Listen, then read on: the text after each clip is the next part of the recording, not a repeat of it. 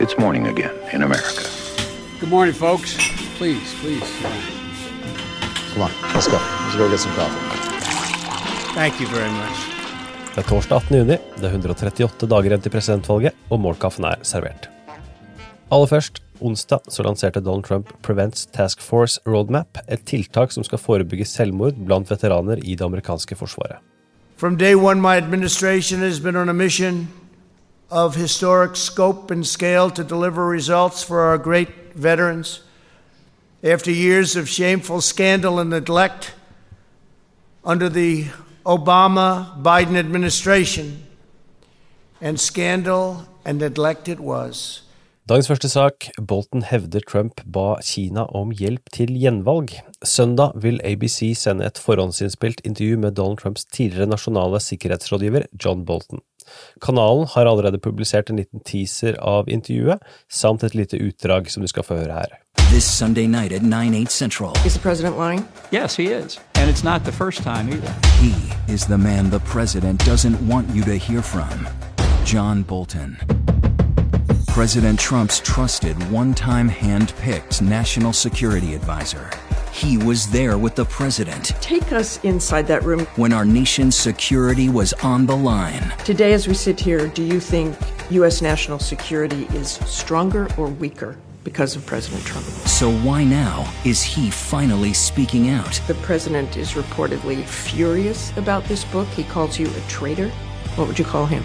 This Sunday night on ABC, John Bolton, Martha Raddatz. I den kommende boken til John Bolton så blir det hevdet at Donald Trump skal ha henvendt seg til Kinas president Xi Jinping i et forsøk på å få hjelp inn mot 2020-valget, blant annet til kjøp av soyabønner for å styrke Trump blant velgere i Midtvesten. Dette kommer fram i en sak fra Washington Post som har fått tilgang til Boltons bok på forhånd. Dette skal ha skjedd i løpet av en middag under et G20-møte i 2019. Trump skal ha sagt til Kinas president at økt jordbrukshandel av amerikanske produkter ville øke Trumps sjanser til gjenvalg. Xi skal ha uttrykt misnøye med de mange Kina-kritikerne i USA, men Trump skal ha forsikret presidenten om at dette kun var et problem blant demokrater. Ifølge Bolton så skal Trump ha snakket med Jinping om Kinas økonomiske muskler og landets muligheter til å sikre Trump valgseier i 2020. Dette er en av mange oppsiktsvekkende saker i den kommende boka, som vi kommer til å sette på leselista om den blir publisert som planlagt. Som vi var inne på i går, så har nemlig Trump-administrasjonen gått i sak for å forsøke å stanse publiseringen av boka. How would you describe Trump's relationship with Vladimir Putin? Uh, I think Putin thinks he can play him like a fiddle. Uh, I think Putin is uh, smart, tough. I think he sees that uh, he's not faced with a serious adversary here. I don't think he's worried about Donald Trump. Donald Trump, as we say, sees himself as a deal maker. What happened to the deal maker in those situations? Well, the president uh, may well be a superb deal maker when it comes to Manhattan real estate, dealing with arms limitation treaties on strategic weapons, uh, dealing in many, many other uh, international uh, security issues are things far removed from his life experience. When you're dealing with somebody like Putin who has made his life understanding Russia's strategic position in the world uh, against Donald Trump, who doesn't enjoy reading about these issues or learning about them, uh, it's a very difficult position for America to be in. Dagens andre sak, 13 poengs ledelse nasjonalt. Ifølge ny Reuters og Ipsos-måling så er Joe Bidens ledelse nå den største han har hatt over Donald Trump så langt i valgkampen.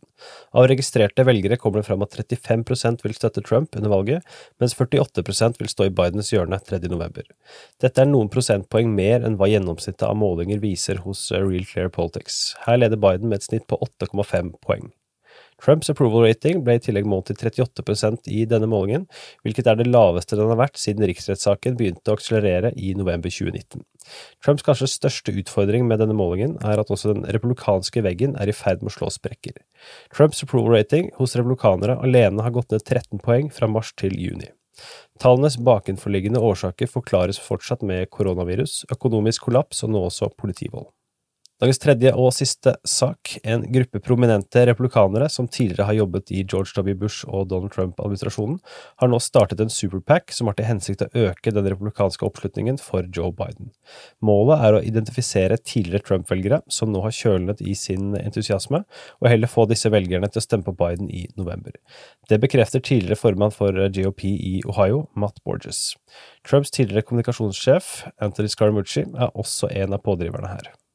Fokuset til denne superpacken skal rettes mot nøkkeldelstatene Michigan, Wisconsin, Pennsylvania, Arizona, North Carolina og Florida. Right Side Pack, som den heter, ser seg selv som et supplement til det mye omtalte Lincoln-prosjektet, men fokuserer mer på datainnsamling av velgere og oppmøte. Det gjøres også et tydelig poeng av at Trump er det eneste antirepublikanske fokuset til packen. Borges uttalte bl.a. følgende at de ikke prøver å bli demokrater, og at de skal stemme for alle andre republikanere, bortsett fra Trump. Dagens utgave av Målkaffen er servert av Henrik Skotte og undertegnede Are Toggenklaten. Du leser mer på amerikanskpolitikk.no.